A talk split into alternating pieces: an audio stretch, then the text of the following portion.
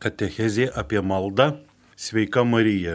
Paruošta vyskupo Kazimiero Paltaroko katechezės apie Sveiką Mariją pagrindu, bet yra kai ko ir ne jo. Kalba kunigas Arūnas Simonavičius. Sveika Marija, malonės pilnoji, viešpats su tavimi. Tu pagirta tarp moterų ir pagirtas tavo iščių vaisius Jėzus. Šventoji Marija, Dievo motina, melsk už mus nusidėjėlius, dabar ir mūsų mirties valanda. Amen. Gerbiami klausytojai, panagrinėkime kartu šios maldos žodžius.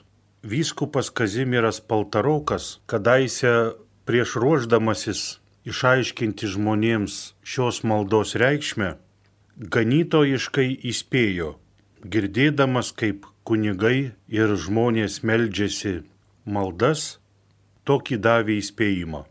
Nemanykite, kad tankiu be atidos kartojimų sveika Marija patiksite dangaus ir žemės karalieniai. Kad ta malda būtų švenčiausiai paneliai meili, o jums išganinga, privalo protas suprasti, širdis jausti, ką lūpos kalba.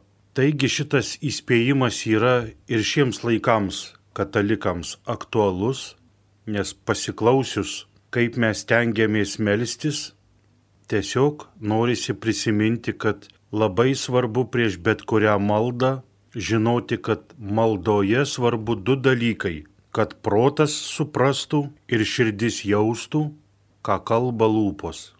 Tam reikia ir švento rašto žinių, Tam reikia ir bažnyčios duodamo paaiškinimo apie vieną ar kitą maldą.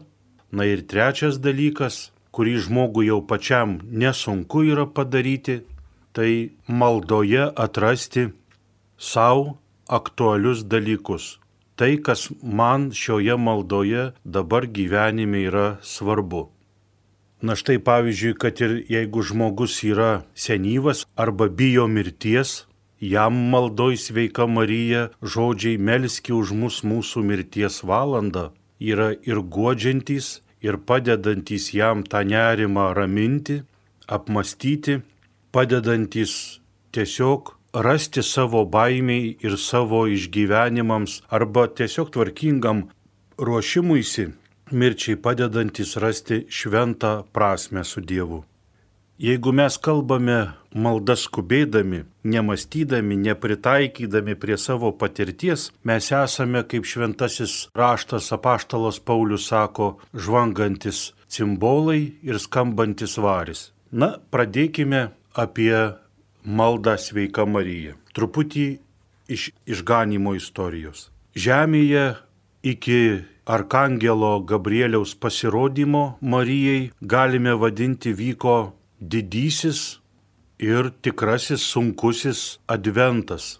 Vyko laukimas nuo pirmųjų tėvų padarytos nuodėmės ir po to duoto Dievo pažado, kad aš atsiųsiu išganytoje, visas tas laikotarpis buvo laukimas, kadagi pagaliau ateis išganytojas, kadagi pagaliau Dievas ateis mūsų gelbėti. Apie tai mąstė ne tik tai žydų tauta, Apie tai mąstė daugelis tautų, nes matė, kad žmogus kenčia, matė, kad žmogus yra tarsi nesavas šioje žemėje, jau ir tai jam kėlė kančią.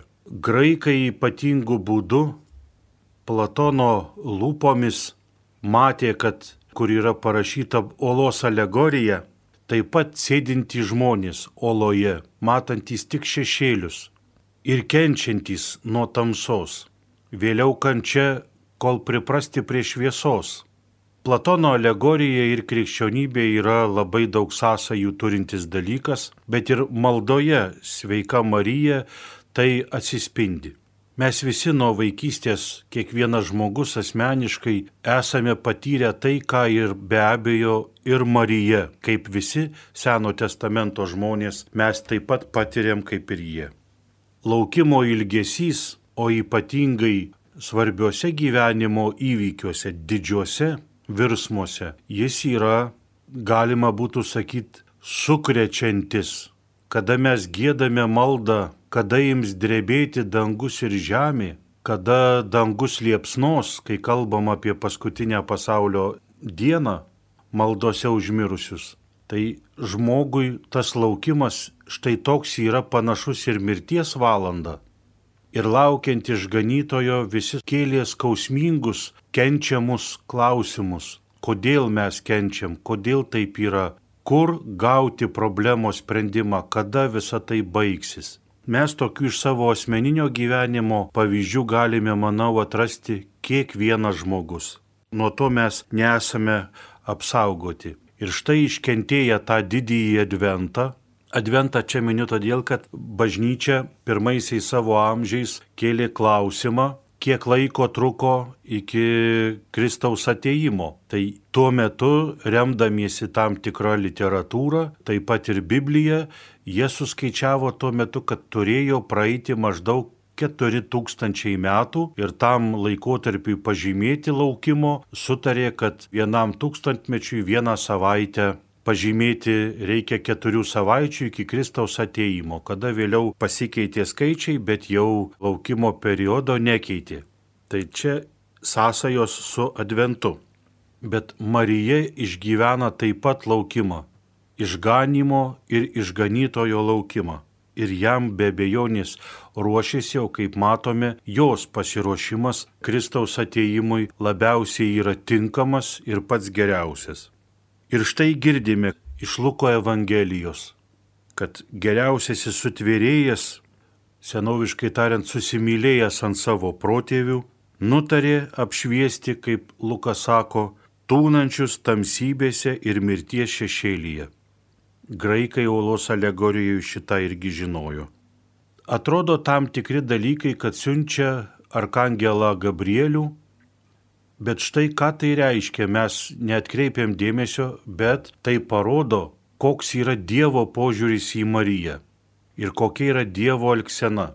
Dievas siunčia ne bet kurį angelą, o siunčia arkangelą, patį aukščiausio rango, ambasadorių pasiuntinį, pranešti pačiai svarbiausiai, kaip krikščionys mato pasauliui žiniai, kad pagaliau baigėsi vargai, kad pagaliau prasideda problemos sprendimas, kurią išspręs išganytojas Jėzus Kristus. Taigi, arkangelas reiškia, kad tas žmogus, pas kurį jis yra siunčiamas, yra vertinamas aukščiausių lygmenių. Na ir kitas dalykas, krikščionybė yra daug naujovių atnešanti tikybą į pasaulį ir tas naujoves bandanti vis dar įdėkti iki dabar, bet pasaulis to nenori dažnai, tai štai siunčia ne elitiniam žmogui, ne karaliui, ne kokiam tai išminčiui, išmintingiausiajam, bet siunčia vaikui. Ten gal 14 metų mergaitė. Tose kraštuose 14 metų tai jau pana, bet vis dėlto dar plus tai yra pana.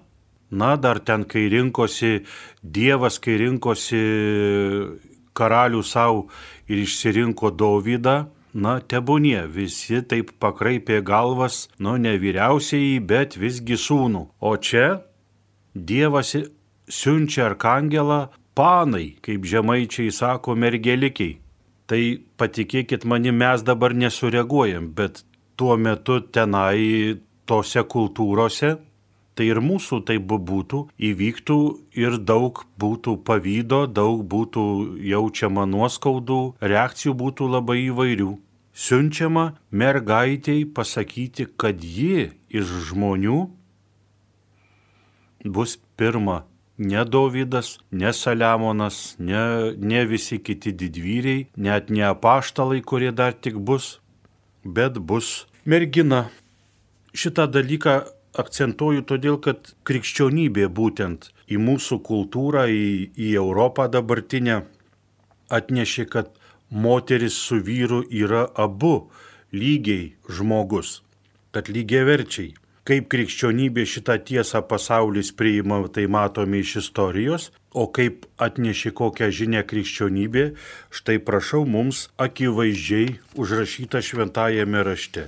Verta turbūt paminėti, kad kalbant apie vaikus, apie paauglius, galim taip pašalinę mintį užduoti savo klausimą, kodėlgi tokiai mergučiai pasirodo.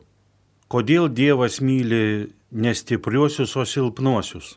Dievas myli tuos, kurie atsiveria Dievui, kurie prieš Dievą yra atviri. Atvirumas, kad ir labai jau gal ten nedidelis, gal labai, kai kurių gal labai didelis pasitikėjimas Dievu, jam atsivėrimas Dievą provokuoja į santykį. Vėlgi noriu priminti, kuom senosios religijos skiriasi nuo judaizmo ir krikščionybės. Pagonių tikybos dievams neįdomų žmonių problemos, santykis su žmonėm jiem yra našta. Ir jeigu jie tik gali neturėti santykio su žmonėmis, mielai to santykio ir neturi.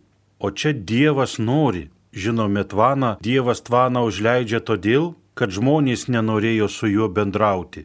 Žmonės nenorėjo melstis. Čia taip pat Dievas vėl rodo savo begalinį norą su žmogumi bendrauti, turėti santyki, kad žmogus neprarastų savo panašumo.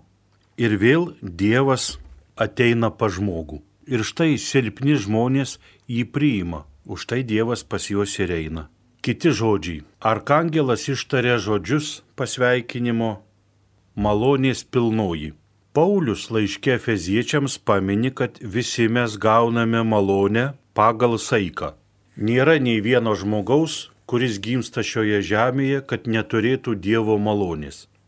Visi gaunam pagal saiką malonės tam tikrą dalelę, kad įvykdytumėm savo pašaukimą, kad padarytumėm gražius darbus, kad įvykdytumėm Dievo valią ir nueitumėm į dangų. O Marijos užduotis, Marijos pašaukimas, mes tą užduotis ir pašaukimas tai suprantam kaip prievolę. Čia yra draugiškumo ryšys, kur draugystė lygų laisvė. Marijos e, pašaukimas yra ne ta žodis kaip neįlinis, ir todėl Dievas jai ir malonę suteikia pilną. Te malonės kiek tik tai reikės, kad per tave išsipildytų Dievo planas, kurį Dievas yra pramatęs žmogui gelbėti. Jau ir Saliamonas yra pastebėjęs, kai jis statė šventyklą, kad sunkus tai yra ir didis darbas, ir didingas darbas, ir labai malonus, įruošti Dievui šventyklą, įruošti Dievui namus. Jis pirmas sušuko viešpatie, e, kaip išpuoš tau namus, kaip aš tau juos padarysiu gražius, noriu tokius padaryti, kad tau patiktų. Taigi, o Dievas tėvas ruošia taip pat Marijos gimdoje šventnami Jėzui. Jis kaip Saliamonas iš įvairiausių brangių statybinių medžiagų ir brangių akmenų ruošė Dievui namus, taip išganytojas savo malonės dėka ruošia Marijos gimdoje. Žemaičiai sako sutaiso. Įrengė, tai reiškia, sutaisė iš savo malonės tikrai nenusakoma kiekį kartų gausiau gražesnį už Saliamono ir už Vilniaus šventos onos bažnyčia. Jos palyginus su Marijos gimda paruošta ir Marijos apipinimu malonės pilnvatve, tai yra ne bažnyčios, o tik trobelytės. Bet čia žinoma, literatūrinis palyginimas gražu ir tas ir tas, nes Dievas žmogaus darbo niekada neniekino. Man kaip tai atėjo į galvą tokia mintis, kokiu būdu, kokia nuotaika tarė arkangelas šitus žodžius įeikime į arkangelo padėtį. Štai tave Dievas siunčia įvykdyti vieną pagrindinių, svarbiausių išganimo istorijoje misijų. Eini pas Mariją ir praneši štai va šitą dalyką. Senose apieigose šventųjų mišių kunigas, tardamas konsekracijos žodžius, Tardavo kunigas juos susikaupęs, pagarbiai prisimindamas Dievo akivaizdą, tu rankose laikai paprastą duoną arba paprastą taurę vyno ir tu žinai, kad toj tas paprastas pavirs į dievišką. Ir kunigas, suvokdamas kokioj akivaizdoj jisai stovi, kas jo rankose ir burnoje vyksta, ištardavo tokį atodusį - Mysterium fidei tikėjimo slėpinys. Slėpinys paslaptis, kai mes dabar sakome, tai paslaptis reiškia, kai aš žinau, bet tau nesakysiu, nes arba negaliu, arba nenoriu sakyti. Bet tiksliau lietuviškai būtų teisingiau, taisyklingiau ir tiksliau ištarti slėpinys. Slėpinys tai kai aš matau tikrovę, kurios pats neįnymu, neperprantu, matau baisę didybę ir joje pats pradedu, kas patiria jaudulį, susijaudinimą, tai pradeda visas tirtėti, drebėti, nes nepajėgia tavo kūnas suvokti. Patirties neturi, kaip šitoj visoje akivaizdoje elgtis ir kunigas ištarė, kad tai yra nesuvokiamas tikėjimo slėpinys. Tai manau, kad su šitu drebėjimu panašiai kaip Mozė bijodamas žvelgia į Dievą, manau, kad ir angelas e, ne kitaip turėjo šitoj situacijoje elgtis. Arkangelas taip pat su baime ir drebėjimu, su slėpiningu nujautimu šitą žinę perteikė Marijai. Neveltui sakė, ramybė tau nebijok. Mes taip turėtume mokytis melstis maldas, taip klausytis mišiose Evangelijos, taip klausytis visada Dievo žodžio. Nes Jonas Auksaburnis yra sakęs, kunigas skaitantis šventą raštą ir vėliau jį aiškinantis per pamokslą yra angelas ant uolos skelbintis džiugę naujieną. Taigi angelas ją taip tarė. Vėliau arkangelas ištarė Marijai žodžius viešpat su tavimi. Senasis testamentas nurodo apie kai kuriuos teisius žmonės, kada kalba apie žmogų, sako, ir Dievas buvo su juo arba su jais. Ir tada nurodo, kokiomis malonėmis jie buvo apdovanoti. Tai ir Marija yra teisus žmogus, kuris buvo apdovanotas jau neįlinėmis malonėmis, o labiausiai buvo apdovanota nekaltų prasidėjimu ir Dievo motinystė. Dievas buvo su juo, tai reiškia, kad Dievas to žmogaus niekada neapleido, nes žmogus jo nuolat norėjo, kad jis visada būtų su juo. O antras dalykas - viešpat su jumis arba su tavimi skamba nuolat mišiose ir maldose. Tai yra priminimas mums, kad mes visada esame su Dievu. Mes visada esame Dievo akivaizdoje, Dievo artume. Kunigas mums tai primena, kad mes labiau susikauptumėm ir neužsimirštumėm. Marijai šito siekti, jau jinai turėjo šitą Dievo malonę. Jinai ją buvo pasiekusi tobulų lygių. Mes žinome šito turim mokytis. Kai kunigas sako viešpat su jumis, turime prisiminti, kad ir Marijai buvo šitie žodžiai priminti viešpat su tavimi. Ir kunigui atsakom ir su tavimi, su tavo dvasia, kad ir tu nepamiršk, kad tu esi Dievo akivaizdoj, neplynam laukė stovi, ne tarp kolonų bažnyčios, bet tu esi Dievo akivaizdoj, Dievui po akių. Seniau šitas viešpats su tavimi, viešpats su jumis, būdavo priminimas visose bažnyčiose didžiajame altoriuje, būdavo iš senų kultūrų paimta iš Egipto kultūros paimta, bet pritaikyta krikščionybėje trikampis su akimi. Tai reiškia, kad Dievas visada tave mato, visada tu esi Dievui anakių. Esame Dievo artumoje krikščionims, siekiamybė turėtų būti. Ir kada mes melžiamės, turim nuolat nepamiršti, aš esu su Dievu. Arba bent jau to siekčiau, norėčiau, kad tai būtų. Žinoma, vadovėlinė taisyklė - geros maldos pirma ir būtiniausia sąlyga yra prisiminti Dievo artumą. Jeigu prisimeni šitus žodžius Marijai sakytus ir juos taikai savo, kad vad ir aš maldoje turiu būti Dievo akivaizdoje, tai kai tariami šitie žodžiai ir prisimenu, kad man sekasi malda, kad pavyksta susikaupti, dėkoju Dievui ir džiaugiuosi. Jei nepavyksta, tada galiu prašyti Marijos Mariją. Padėk man maldoje susikaupti, nukreipti savo mintis nuo visų rūpeščių, juos apimti ir kreipti save į Dievą su savo rūpeščiais. Vėliau tarė žodžius arkangelas, tu pagirta tarp moterų. Na ir žinoma, šventasis raštas žino burelį moterų, tai yra Sara, Abraomo žmona, Ona, Rūta, Judita, Estera. Tų moterų yra ir daugiau. Viena iš jau krikščionybės pradžioje yra Marijos motina Ona, taigi tų Makabėjų motina, tai yra moterys, tarp kurių ir Marija yra kaip ryškiausias žmogus. Ona Dievo baiminga, Rūta dora, Judita narsi, Estera drąsi, ir išgirsite sąsajų su malda sveika Marija. Štai Juditai, kai jinai atnešė Holoferno galvą, Onijas sakė, pagirta esi tu viešpaties dukra ir pagirta tu tarp visų žemės moterų.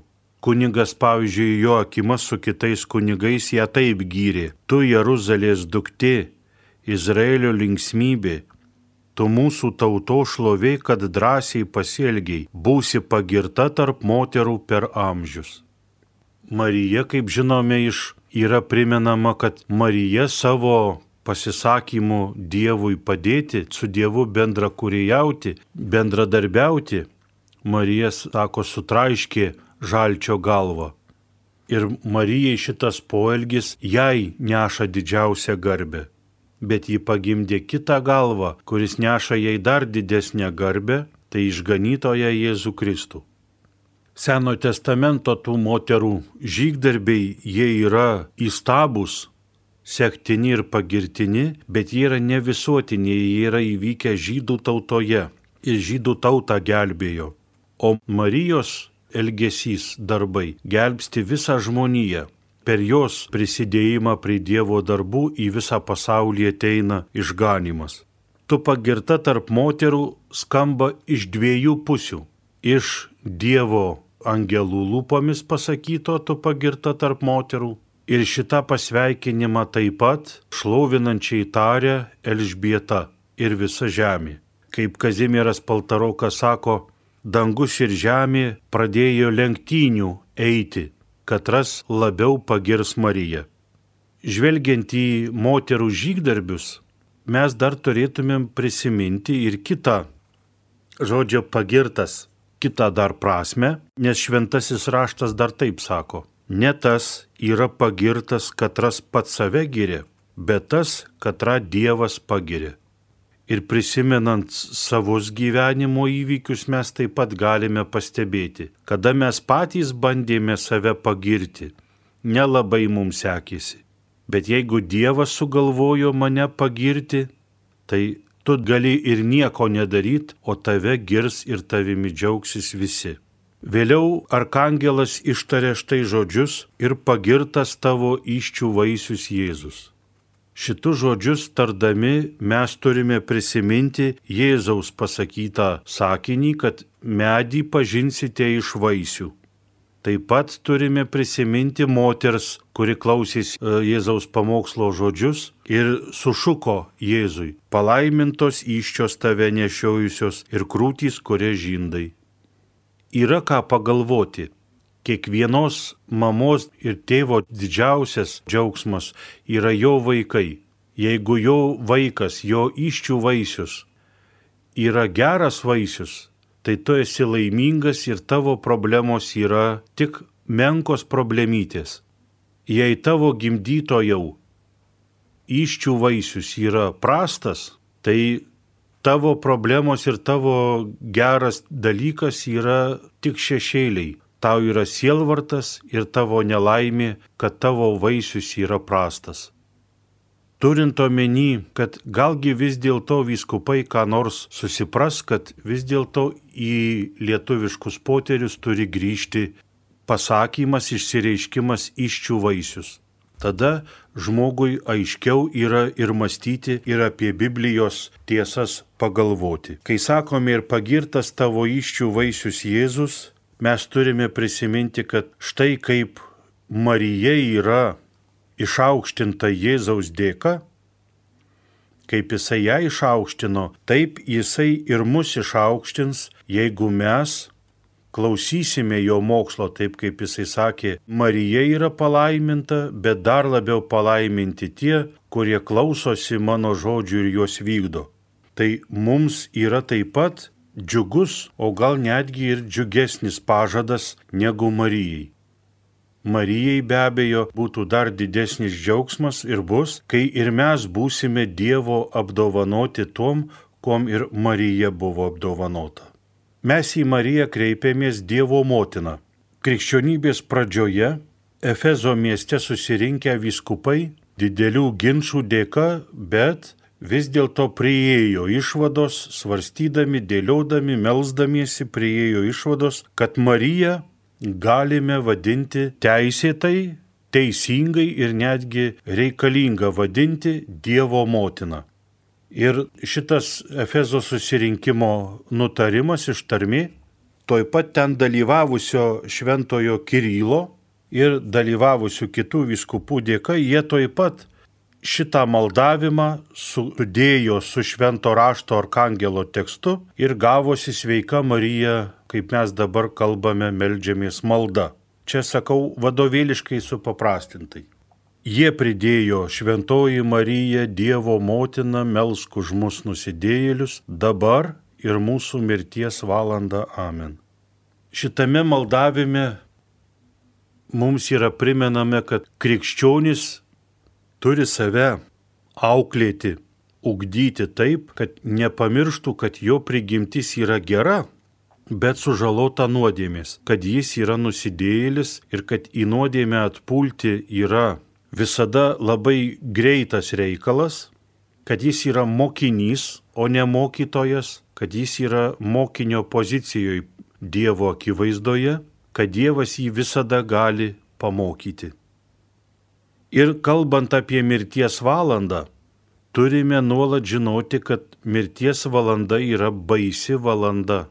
Baisi todėl, kad aš esu nusidėjėlis, todėl, kad piktoji dvasia mane silpstantį mano kūną ir silpstančius mano jausmus ir mąstymą bando gundyti, baisi ta valanda yra todėl, kad prieš akis stovi mano padarytos nuodėmės, netitaisyti darbai, nepadaryta atgaila ir laukia Dievo teismas, kad aš jau bejėgis ką nors spręsti ir man dabar pagalbininkai ir užtarėjai yra būtinai reikalingi.